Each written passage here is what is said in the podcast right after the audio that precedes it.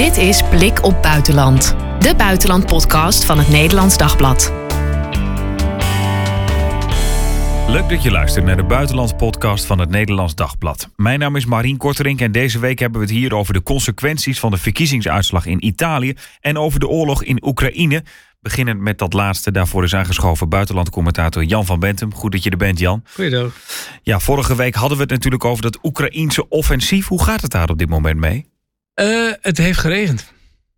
En Zoals hier ook. Zoals hier.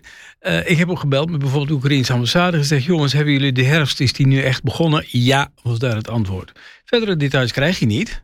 Want alle informatie over wat betekent dat nu voor bijvoorbeeld je offensief en dergelijke is. Nou ja, praten ze niet over. Maar vanuit de frontlijn, uh, de frontlinie, uh, Institute for the Study of War, die dat heel nadrukkelijk volgt, die schrijft ook van het Oekraïnse offensief is ook een beetje stil komen te vallen. En want ze zaten er specifiek bij een rivier, waarachter dan de Russen zich hadden verschanst, de Oskil-rivier. Nou, dan zit je al een beetje in een dal. Als er dan ook nog eens herfst wordt en je hebt daar heel veel onverharde wegen, maar ja, wel met gravel en dat soort spullen. Eh, een beetje puin. En, ja, van die steentjes. Ja, maar als je daar met een paar tanks overheen gaat, dan blijft er heel snel niks meer van over. En dan kun je daar niet fatsoenlijk meer rijden. Dus dan moet je op rukken via verharde wegen. Die overigens ook heel gauw kapot gaan hoor. Als je met een paar zware tanks overheen gaat. Um, en ja, dat weet de vijand. Dat als de Oekraïners oprukken langs die wegen, dan weten de Russen dat. Die kunnen hun vuur daarop concentreren. Andersom precies hetzelfde.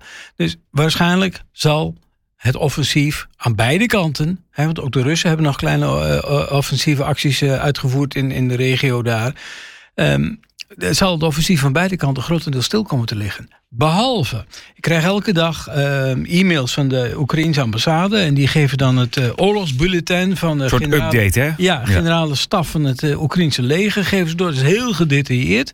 En is het ook altijd betrouwbaar eigenlijk? Nou ja, dat is wat de Oekraïners zeggen. Hè? En, maar wat daarin opvalt is dat ze het nu de afgelopen twee dagen alleen hebben gehad over raketbeschietingen en luchtaanvallen.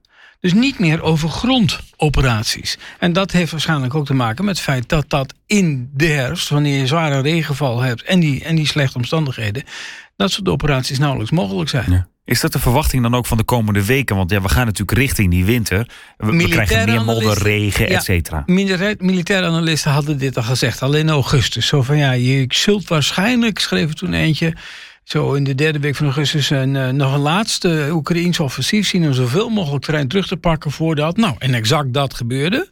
Maar dat offensief, hè, dat succesvolle offensief van de Oekraïne, lijkt nu ook gewoon langzaam maar zeker te veranderen in een vastere frontlinie waar langs de beide partijen zitten. Ja. Met daaroverheen dus heen en weer raketbeschietingen. Nou, en dat leidt weer tot andere vragen, ook van Oekraïne natuurlijk. Ja, zo van uh, wat voor raketten hebben we nodig? Mogen we alsjeblieft wapens voor de langere afstand? Want de Russen schieten natuurlijk wel constant door. Denk aan wat we vorige week ook zeiden: uh, beschietingen van elektriciteitscentrales, uh, hoge spanningsleidingen, waterleidingen, noem maar op. Alles wat aan het burgerleven of het leven in het oosten en het zuiden van de Oekraïne mogelijk maakt, dat wordt vernietigd als het aan de Russen ligt. Net nog weer een zware aanval op een uh, depot in uh, Odessa, waar overigens munitie bleek te zijn opgeslagen. Dus een gigantische brand geweest begin deze week. Um, dat soort zaken gaat gewoon door. Nou, de Oekraïners willen heel erg graag wapensystemen met een lange afstand. Die hebben ze voor een deel van de Britten en de Amerikanen gekregen. Die HIMARS tot, met, tot zo'n 70, 80 kilometer.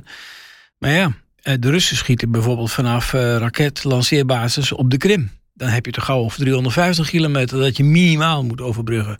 En dat wil Oekraïne eigenlijk ook om terug te kunnen schieten. Ja. ja. dat doen ze soms. Ze hebben zelf al een aantal van die systemen. En ze hebben dus ook een uh, marinebasis en zo in, in, uh, de, op de Krim wel aangevallen. Maar daar hebben ze niet zo, zo enorm veel van. Ja, dus dat, dat hebben ze echt van het Westen nodig. Gaan, gaan die dat leveren? Voorlopig niet. Er is omdat? Omdat...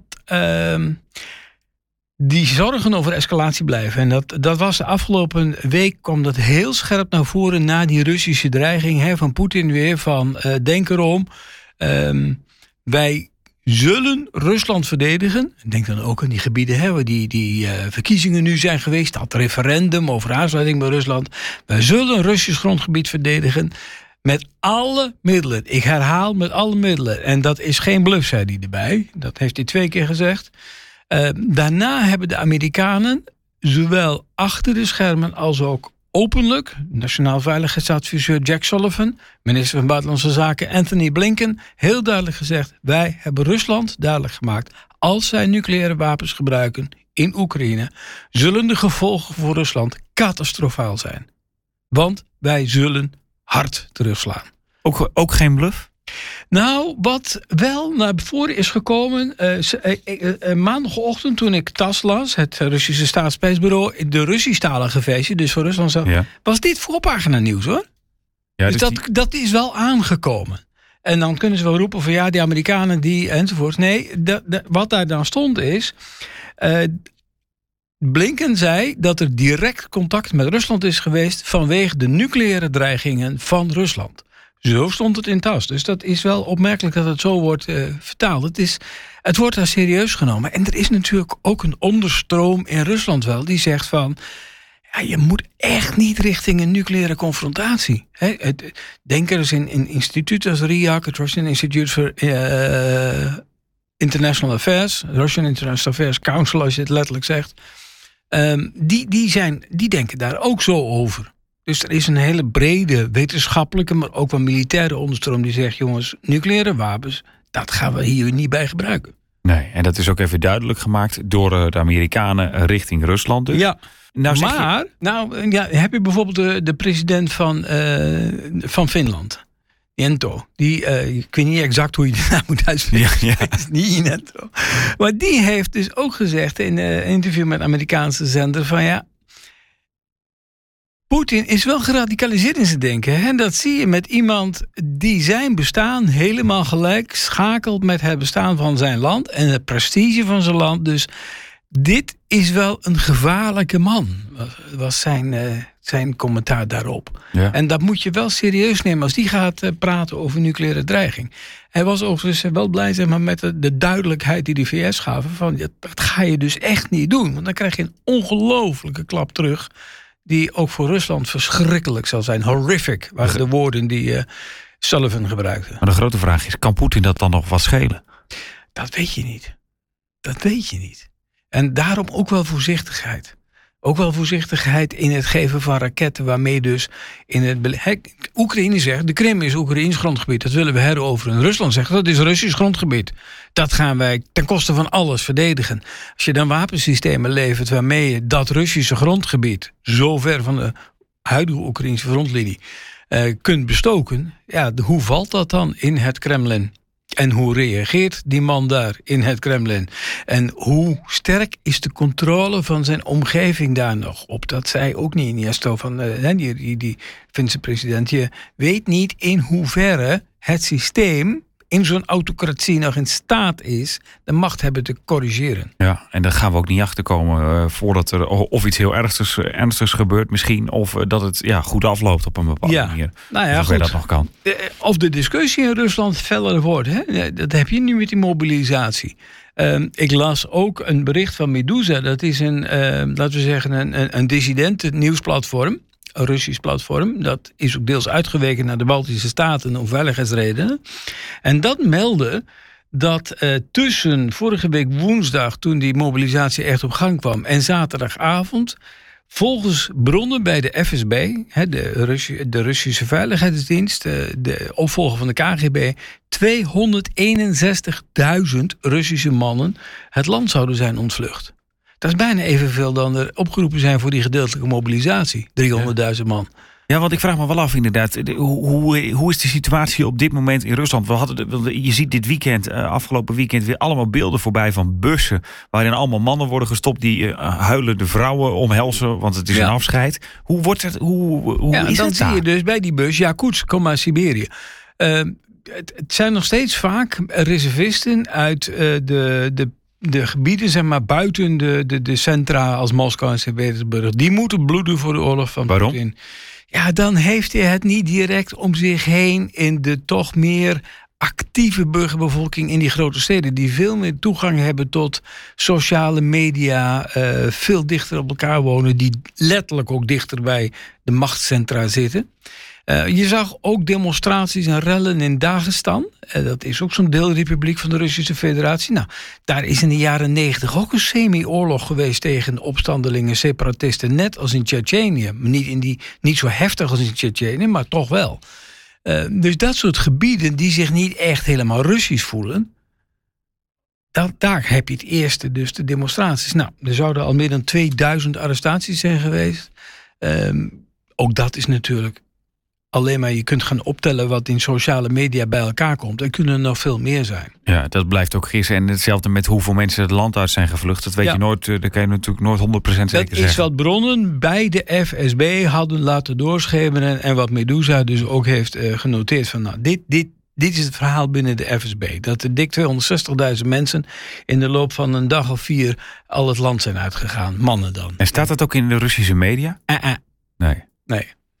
Daar gaat, de mobilisatie, daar gaat het vooral over uh, de maatregelen die het ministerie van uh, Binnenlandse Zaken en ook van Defensie neemt om de gezinnen van de reservisten te ondersteunen, om die reservisten een, eh, een, een veilige financiële basis te geven. En een van de laatst gemelde maatregelen was, als ze worden opgeroepen, het kan best zijn dat ze een hele tijd wegblijven, dan blijft hun baan gegarandeerd. Ze mogen dus niet hun baan kwijtraken doordat ze in het leger zijn oh, opgeroepen. En als ze dan een, een half jaar of een jaar of weet ik hoeveel later terugkeren, dat ze dan geen baan meer zouden hebben. Dus dat is nu ook uh, verboden om, om hen dan tussentijds te ontslaan. Ja. Nou zei jij net van hè, het is modderig aan het worden, uh, het, de tanks en zo is lastiger. Wat gaan al die mensen die nu opgeroepen worden dan doen? Uh, zeg maar? Die gaan met bussen auto's, enorme wachtrijen voor de grens met Finland, hele discussies in de Baltische Staten. Uh, Letland en uh, Litouwen hebben al gezegd: wij zullen ze hier geen asiel verschaffen, geen verblijfsvergunning, ook geen visum. Uh, want dit waren figuren die toen de oorlog begon zich er niet tegen hebben verzet. Nu het erop aankomt dat zij dan moeten gaan meewerken. Ja, dus die zeggen eigenlijk van dat zijn geen vluchtelingen, dat zijn, geen vluchtelingen. Dat zijn, uh, dat zijn Russen die eerst Poetin hebben gesteund. Maar ja, nu puntje bij paaltje komt, dan maken ze dat ze wegkomen. Dat hadden ze dan eerder moeten doen. Ja. Uh, er is ook wel binnen de Europese Unie al discussie over dat de Europese leiders zeggen van ja, weet je, dan, dan versterk je het beeld wat Poetin en, en het Kremlin-club zegt. Namelijk dat Europa de vijand van Rusland is. Wij moeten laten zien dat we niet de vijand van de Russen zijn, maar van dit Russische machtsmisbruik, deze Russische oorlogsmachine. Ja. En dan moet je dus onderscheid maken tussen Russen en hun leiders. En als je dat doet, dat is een betere boodschap, denk ik. Ja. Dus wat dat betreft zouden die Baltische staten ook nou ja, toch wellicht dat de Europese standpunt beter kunnen innemen van oké, wie wil vluchten voor die oorlogsmachine van Poetin is welkom bij ons. Duitsland heeft het al gezegd. Duitsland heeft gezegd wie, wie wil wegkomen voor die militaire dienstplicht is welkom bij ons. Ja. Ja, dat is interessant, want dat is die groep. Maar die groep die opgeroepen is, zeg maar, voor die oorlog. Wat gaat die dan de komende tijd doen? Ja, want, nou, nou, je dus We hadden het net over, ja, het is vooral rakettenwerk de komende tijd. En weinig misschien... Ja, met, training. Ik bedoel, die reservisten, je moet je niet voorstellen... dat die een heel concrete gevechtstraining hebben gehad... toen zij in dienst waren. En wie weet hoe lang dat al geleden is. Want je zag ook beelden van mensen van middelbare leeftijd... die in die bussen werden gestopt. Nou, die moeten heel wat uh, terughalen, zeg maar. Daar ben je wel een postje mee bezig. Nou, heb je nog een aantal momenten waarin ze dus ingezet zouden kunnen gaan worden. Dat is wanneer de grond zo hard bevroren is dat je weer kunt oprukken daaroverheen. Of wanneer de lente zover is geworden dat de grond weer voldoende draagkracht heeft. Want de lente is nog erger dan de herfst. In de herfst heb je natte wegen, glibberig en modderig. In de lente heb je ijs en modder. Dan glij je helemaal alle kanten op. En dat was dus ook een van de redenen waarom die Russische opmars in het begin van dit jaar is gestokt. Er zijn heel veel beelden toen op social media geweest van Russische tanks die, die, die tot de bovenkant van hun tracks in de modder vast zaten. En dan kwam er een ander aan om ze los te trekken en die kwam ook vast te zitten. En van die, van die achtwiel trucks met, uh, met die pantsier uh, raketten erop, muurvast. Niet echt van de plek te krijgen meer. Ja. Dus dat gaan ze niet meer doen. Um, en die mensen die nu gemobiliseerd worden, hoe gemotiveerd zijn die eigenlijk? Vraag het ze. Daar kun je niet bij komen. wat je dus hoort en wat je ziet van de beelden van de afscheiden, is dat nog niet dat ze met uh, bloemen in de loop van het geweer richting het front gaan. Integendeel. Dit, eh, er, wordt, eh, er wordt gehuild, er wordt afscheid genomen. Maar met de wetenschap die zou wel eens voor het laatst kunnen zijn. Want daar, in die republiek, deelrepublieken, daar zijn de begrafenissen al geweest van Russische militairen die zijn omgekomen. Niet in Moskou, niet in Sint-Petersburg. Maar wel in de omgeving van Yakutsk en andere plekken. Ja. En wat brengt dat inderdaad de echt verre toekomst als straks al die militairen niet meer terugkomen daar en daar dus in die ja, afgelegen gebieden alleen nog vrouwen en kinderen zijn? Nou ja, dat, dat is een hele grote vraag die niet beantwoord kan worden. En eh, je ziet dat al eerder voor de oorlog, vooral in het oosten en in het noorden, protesten waren tegen het regime.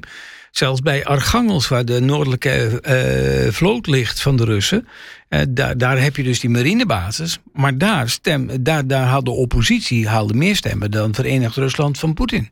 Ja. Als laatste nog eventjes, eh, die re- referenda in de bezette gebieden van afgelopen week. Ik, vorig weekend hoorde ik, Turkije heeft al gezegd, we erkennen die uitslagen niet, we zien het gewoon als Oekraïne. Ja, er zullen vast meer landen de- de- volgen. Ik denk dat het hele Westen zegt van, we zien dat als Oekraïne. Maar wat heb je er dan aan als Poetin zijn of als, als Nou Rusland ja, zijn? Noord-Korea zal het erkennen. Eh, dus China misschien? vriend- nou, Of twijfelachtig? Twijfelachtig. Maar kijk, het Westen erkent ook niet dat de Krim bij Rusland hoort. Maar Rusland beschouwt het als Russisch gebied, heeft er een, een basis, eh, heeft daar militairen zitten en eh, gaat ermee om alsof het Rusland is. Ja. Met alle plussen en minnen die erbij horen. Voor de Russen hoort het dan wel bij Rusland. De vraag is of ze dat ook zo zullen denken over die gebieden in Oost-Oekraïne. Donetsk, Lugansk misschien nog wel. Maar Zaporizhzhia, Gerson, dat wordt al twijfelachtiger. Daar moet hij dus ook eh, de Russen zelf van overtuigen. Maar ja, dan is het Rusland. Ja. En wat doet het Westen daaraan om dat te veranderen? Je bent er. Ja, dat is- Je hebt er een foothold. Je hebt er een, een voet aan de grond. Ja, en dan is het eigenlijk gewoon van de ene waarheid kan prima dan naast de andere waarheid bestaan. Zo Dat, van eh, Rusland zegt van dat hoort bij ons. Het Westen zegt dat hoort helemaal niet bij jullie. Nou, die wereld, de, de, de, normale Rus maakt zich daar niet druk om. Poetin Nou, zegt, Als dit dus een oorlog tot gevolg heeft, wel. Hè? nou, die maakt zich in er ieder geval niet druk om zeg maar, wat het Westen daar dan van nee, vindt. Nee, minder. Ja, tenzij er nog strengere sancties door zouden komen, die wellicht meer nog pijn gaan doen in de Russische economie. Die heeft nu een omslag gehad. Hè? Augustus, afgelopen maand, was de laatste maand met een begrotingsoverschot. Er wordt nu rekening gehouden met een begrotingstekort komende maanden van 30 miljard dollar of euro. Mag je ook wel zeggen, want dat is een beetje één op één. En de gewone Rus gaat dat voelen? Dat ga je langzaam maar zeker wel degelijk voelen, ja.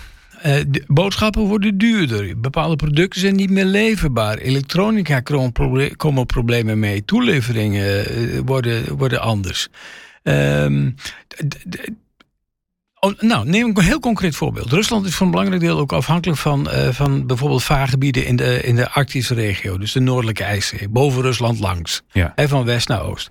Daar hebben ze een hele vloot ijsbrekers voor. Het Behoorlijk wat van die ijsbrekers zijn bijvoorbeeld gebouwd in Finland. Heeft er ook wel ervaring mee. Eh, die dingen krijgen ze geen re- reserveonderdelen meer voor. Want sancties. Dus ligt een deel van de vloot aan de kant om te worden gecannibaliseerd om de rest van de vloot in de vaart te houden. Hetzelfde gebeurt met splinternieuwe Boeing 737 toestellen van Aeroflot. Er worden echt hele nieuwe vliegtuigen worden leeggetrokken om de anderen in de lucht te houden. Hetzelfde voor Airbus toestellen, ook vrij nieuwe dingen. Dus En dat wordt op de lange termijn alleen maar op de lange termijn heb je geen reserveonderdelen meer. Vraag maar aan Iran, die weet precies hoe dat gaat Omdat? Omdat die ook met dat soort sancties al jaren te maken hebben. En dan moet je op allerlei alternatieve manieren proberen iets te doen. Nou, Rusland heeft hen daarbij geholpen. Maar eh, op den buurt werkt het gewoon niet meer. Kunnen ze dan nog rekenen op China? Ehm, het is een onbeantwoorde vraag op dit moment. Dat wordt, dat wordt echt wel even kijken. Kijk, China heeft niet zoveel van die high-tech westerse vliegtuigen nog zoals Rusland wel had. Airbus was bijvoorbeeld, ik heb gesproken met een Airbus-directeur in, in Toulouse een paar jaar geleden. Toen werd daar zeg maar, de eerste model Airbus A320 nog eh, geleverd aan China met onder de voorwaarden van China. Er komt een fabriek om hem hier in China te bouwen. En waarbij ze dus druk aan het fotograferen en kopiëren waren. Daarbij zei die Airbus-directeur tegen me van... ik vind dat niet zo erg, want dat is techniek die we 10, 15 jaar geleden hebben ontwikkeld. Onze nieuwste Airbus 320 Neo-versie enzovoort, die krijgen ze niet. Voorlopig niet, want dat is, dat is de nieuwste techniek. Daar heeft Rusland voor die nieuwste toestellen niks aan China. Helder, dankjewel Jan. En van Oekraïne gaan we naar Italië. Daar waren afgelopen weekend verkiezingen met Meloni en haar Fratelli d'Italia als grote winnaar. Aangeschoven buitenlandredacteur Ruud Ubels. Goed dat je er bent, Ruud. Uh, een half jaar geleden uh, kenden een hoop mensen misschien nog geen eens. Waar komt zij precies vandaan? Ja, waar komt zij precies vandaan? Nou, het is, het is in, in Italië een hele bekende politica, al, al jaren. Uh, hoewel ze nog relatief jong is, is 45. Uh, in 2006 kwam ze in het Italiaanse parlement. En een paar jaar later, 2009, uh, was ze al minister in een, een van de kabinetten van Silvio Berlusconi. Wie kent hem niet? Ja, de, de, de grote mediamagnaat ja, was het. En, en, de man met die bijzondere verhouding in, uh, met, met vrouwen. Ja. Uh, maar de werd, feestjes, hè? Ja, feestjes. Uh, maar hij zei, Meloni werd daar een minister voor jeugdzaken. En dat heeft ze gedaan tot 2011. Ja, dat heeft ze op zich gewoon normaal gedaan. niks, op, niks op af te dingen. daarna is ze ook altijd actief geweest in de politiek. Kort na 2011 een eigen partij opgericht. Die later dus Fratelli d'Italia zou gaan heten. Dat, Fratelli d'Italia zijn ook de eerste woorden uit het Italiaans volkslied. Broeders van Italië. En waarom heeft ze die partij opgericht? Want ze was niet meer tevreden met de huidige nee, koers. Nee, en er werd een, uh, de partij waar ze lid van was, die ging fuseren met een andere partij. ja, dat Italiaanse landschap, dat is heel bizar. Maar er wordt voortdurend gefuseerd, afgescheiden, ruzie gemaakt. worden, vallen ze elkaar weer in de armen, huilend soms om een week later weer ruzie te maken. Ehm, maar in ieder geval, zij, zij, de partij waar ze dan lid van zou worden, dat vond ze allemaal te gematigd, te veel centrum.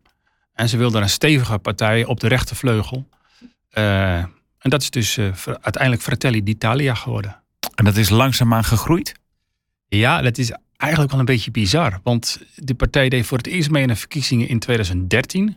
Dan halen ze 1,96% van de stemmen. Dus nog geen 2%. 2018 4%. Verdubbeling wel, maar. Je kunt zeggen steeds... een verdubbeling, maar nog steeds helemaal niks. In de marge. En nu 26%. Dus in vijf jaar tijd, vier jaar tijd, 2018, 2022, van 4 naar 26 procent. Dat ja. is natuurlijk, ja, het is redelijk bizar. Waar komt dat vandaan? Hoe verklaar je dat? Ja, dat heeft een aantal, aantal uh, oorzaken, een aantal verklaringen. Een hele belangrijke is dat in uh, na 2018 kabinetten geweest. Er is, op een gegeven moment is er een, een kabinet van nationale eenheid geformeerd. Problemen waren zo groot in Italië dat, we, dat werd gezegd: van, nou, dit moeten we maar gewoon met, heel, met zoveel mogelijk partijen gaan we in een kabinet zitten.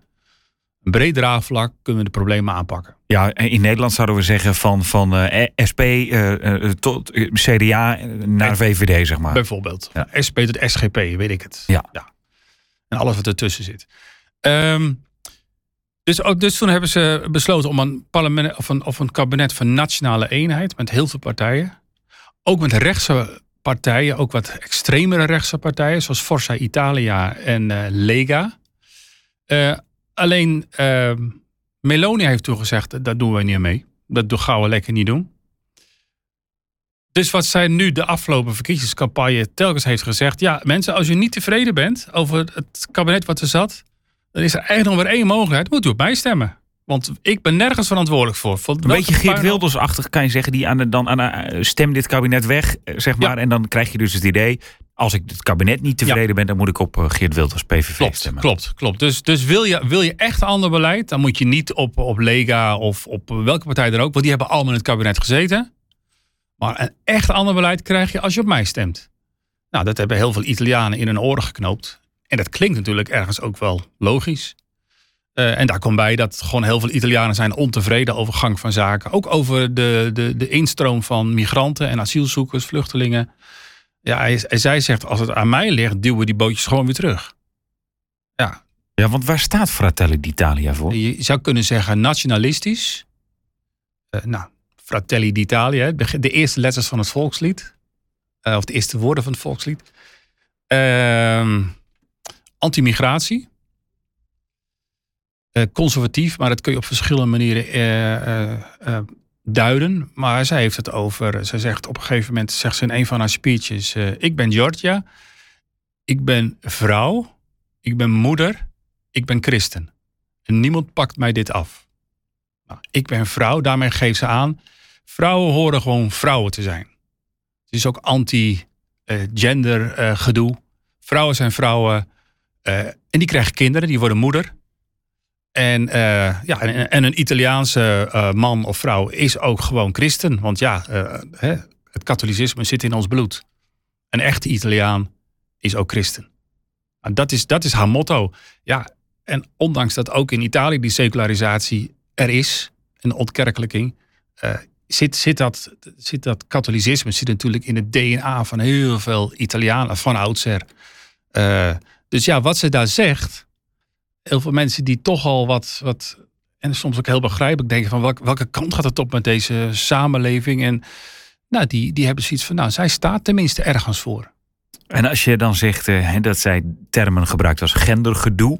Eh, komt zij dan in, die, in, in Nederland zijn dat veel rechter, rechtse partijen die daar, die Mhm. daar moeite mee hebben met die, met die ontwikkelingen. Ehm, zou je haar, ze zit op rechts, maar Ja. ja. de een zegt ze is fascistisch, de ander zegt nee, dat kan je zo niet noemen. Eh, hoe zou jij het, eh, waar, staan als, ik, als ik het moet plaatsen, dan zou ik zeggen. eh, in Nederland zou ze misschien lid zijn van de PVV. Meloni zou misschien lid zijn van de PVV of van Forum voor Democratie. Dat is een beetje haar natuurlijke omgeving. Ja, dus is dat extreem rechts dan? Of? Ja, dat vind ik. In mijn definitie is dat extreem rechts. Ja. Ja. ja. W- Dat, is niet, dat is wat anders dan fascistisch. Er zijn ook mensen die zeggen. Meloni is fascistisch of neofascistisch of postfascistisch. En eh, de verklaring daarvoor is. Toen zij 15 was, is zij lid geworden van, een, van de jeugdvereniging van een politieke partij. En die politieke partij is na de oorlog in 1946 opgericht door voormalige Mussolini-getrouwen. Dus de oude fascistische dictator.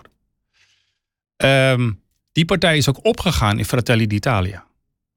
In Fratelli d'Italia zitten mensen die de afgelopen tijd bijvoorbeeld zijn betrapt terwijl ze de, eh de fascisten groet brachten.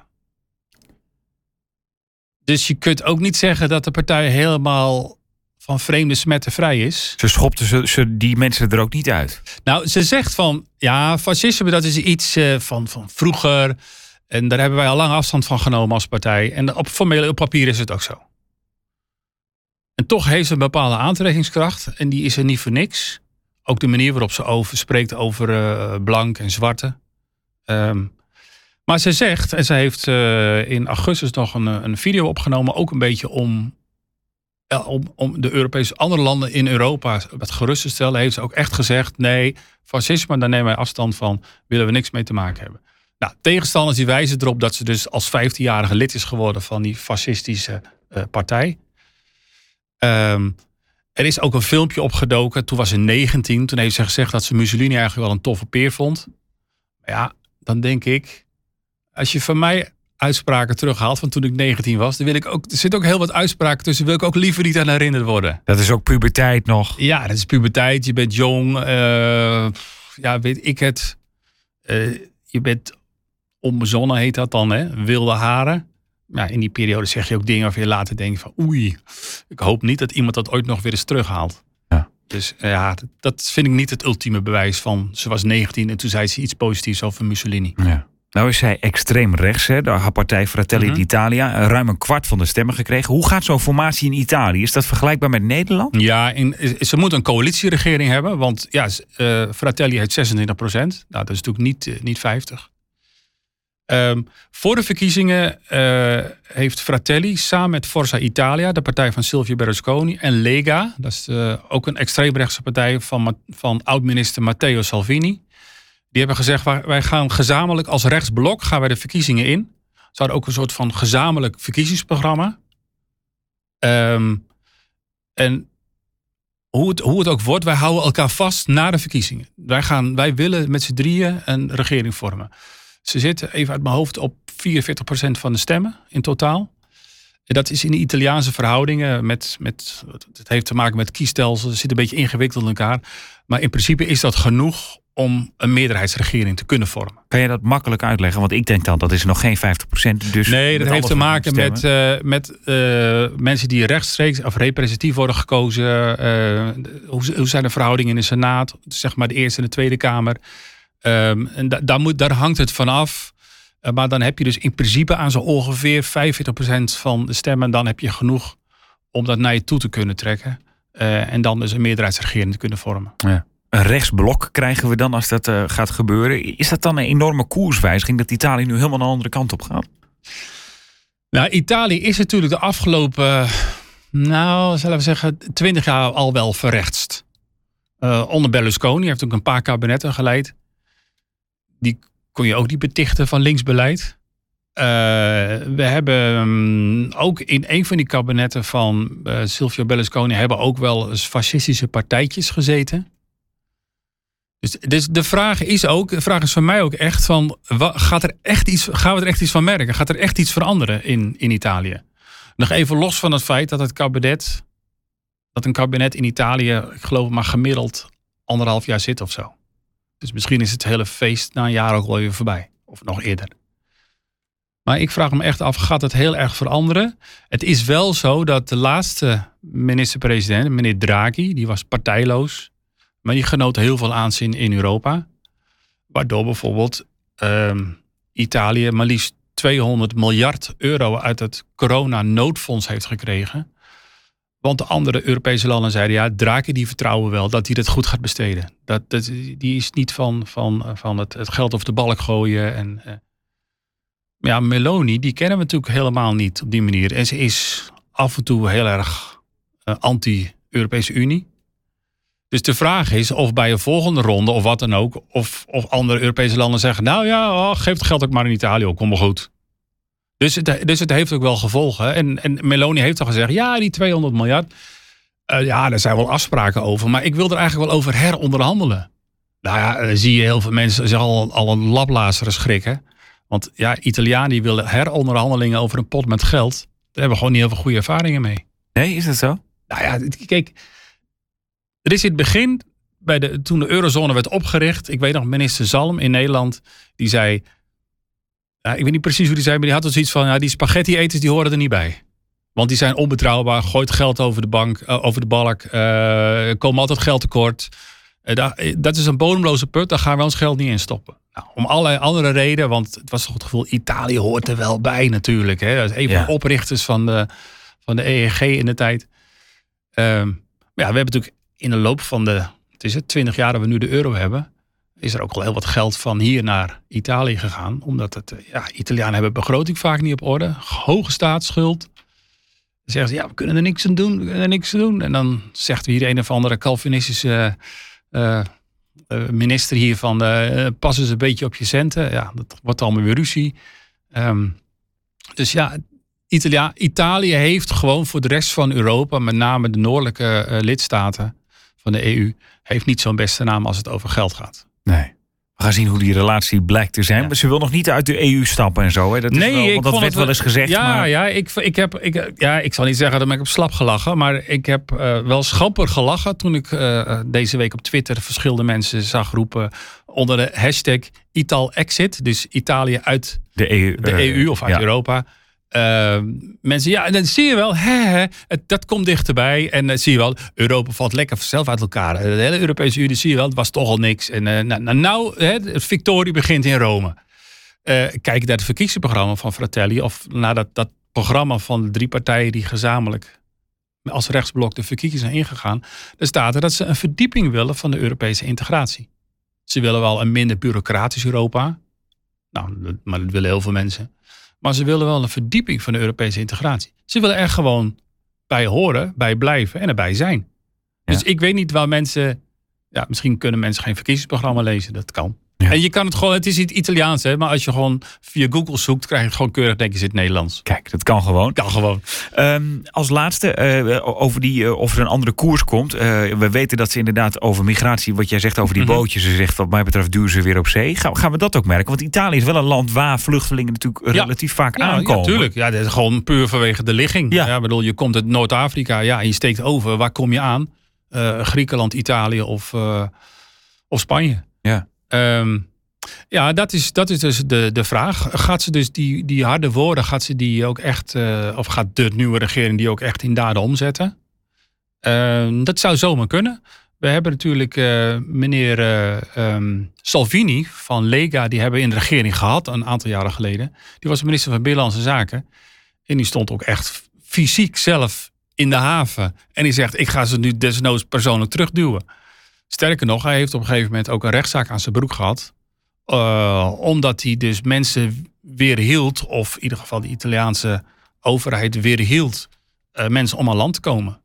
Nou, dat is in strijd, ja, daar kun je van alles van vinden. Maar het is in strijd met de, de, de asielregels waar Italië zelfs een handtekening onder heeft gezet.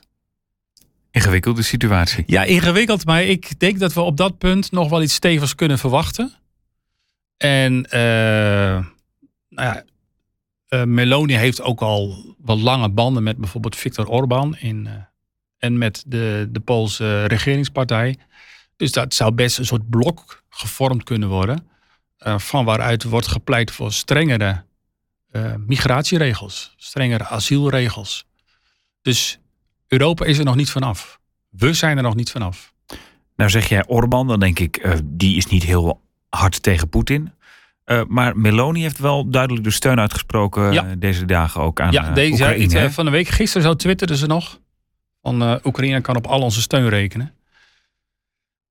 Poetin is een splijtswam in, in rechts in Europa. Dat is al jaren zo. Al heel lang wordt er geprobeerd om een rechtsfront te vormen. Dus van Le Pen, Orbán, Meloni, et cetera.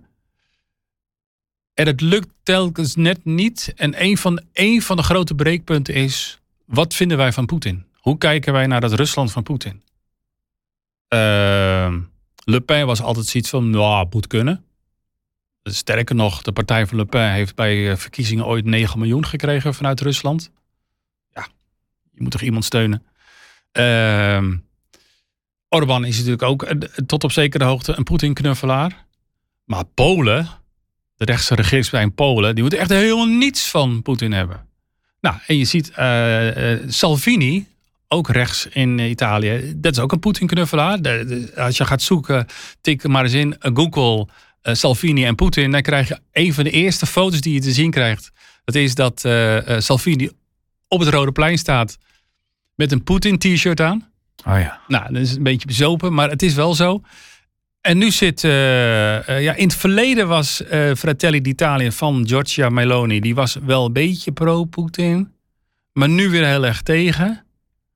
Dus je ziet, binnen rechts is dat, binnen ultra-rechts is dat ook helemaal, geen, is dat helemaal niet duidelijk. En daar is voortdurend ook geruzie en gedoe over. Sterker nog, Hongarije en Polen zijn de afgelopen half jaar heel sterk uit elkaar gegroeid omdat ze zo enorm van mening verschillen. Uh, wat moeten wij met Poetin?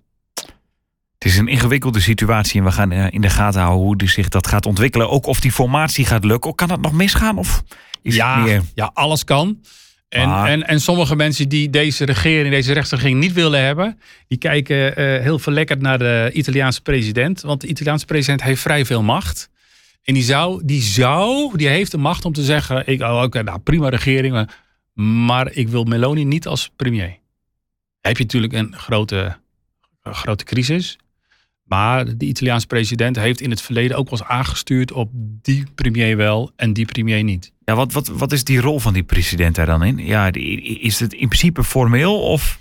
Nou, het, in principe is het formeel, een formaliteit. Maar in de praktijk blijkt dat hij wel sturend optreedt. Je kunt het misschien vergelijken met de rol die Beatrix in het verleden had in, uh, bij, bij regeringsvorming in Nederland. Ja, in principe dus niet echt bemoeien. Op de achtergrond, maar bijvoorbeeld door het aanstellen van ik wil, ik wil die formateur wel en die niet. Uh, er zijn ook heel veel, heel veel historici, staatsrechtgeleerden die zeggen, nou, daar heeft, daar heeft Beatrix in het verleden echt wel meegestuurd. Maar dat zal nooit formeel worden, dat zal nooit bekend worden. Ze zal nooit zeggen van ik vind het CDA niet leuk bij wijze van spreken. Nee, klopt. Maar meer op de achtergrond een beetje schuif. Ja, ja, ja. We blijven het in de gaten houden. Dankjewel Ruud voor deze week. Spannend hè? Heel spannend. Dit was eh, Blik op Buitenland voor deze week. Heb je een vraag of wil je reageren? Laat het weten via podcast.nd.nl. En ben je enthousiast over deze podcast? Laat dan een review of een recensie achter. Dat maakt het voor anderen weer makkelijker om ons te vinden. Tot volgende week.